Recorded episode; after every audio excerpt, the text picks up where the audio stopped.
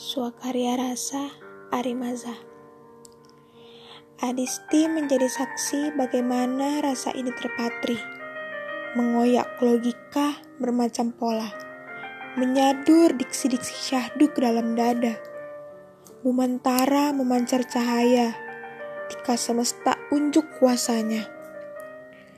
Pertemuan dua insan tak terelakkan, satu lagi hati jatuh tak terbantahkan. Anila menjelma kasih, menawarkan diri membawa pesan yang terbesit. Kala empunya tak mampu goreskan kata, kala mulutnya terkatup bisikan rasa. Hingga bentala laksana cawan, menampung rasa yang kian mengerang.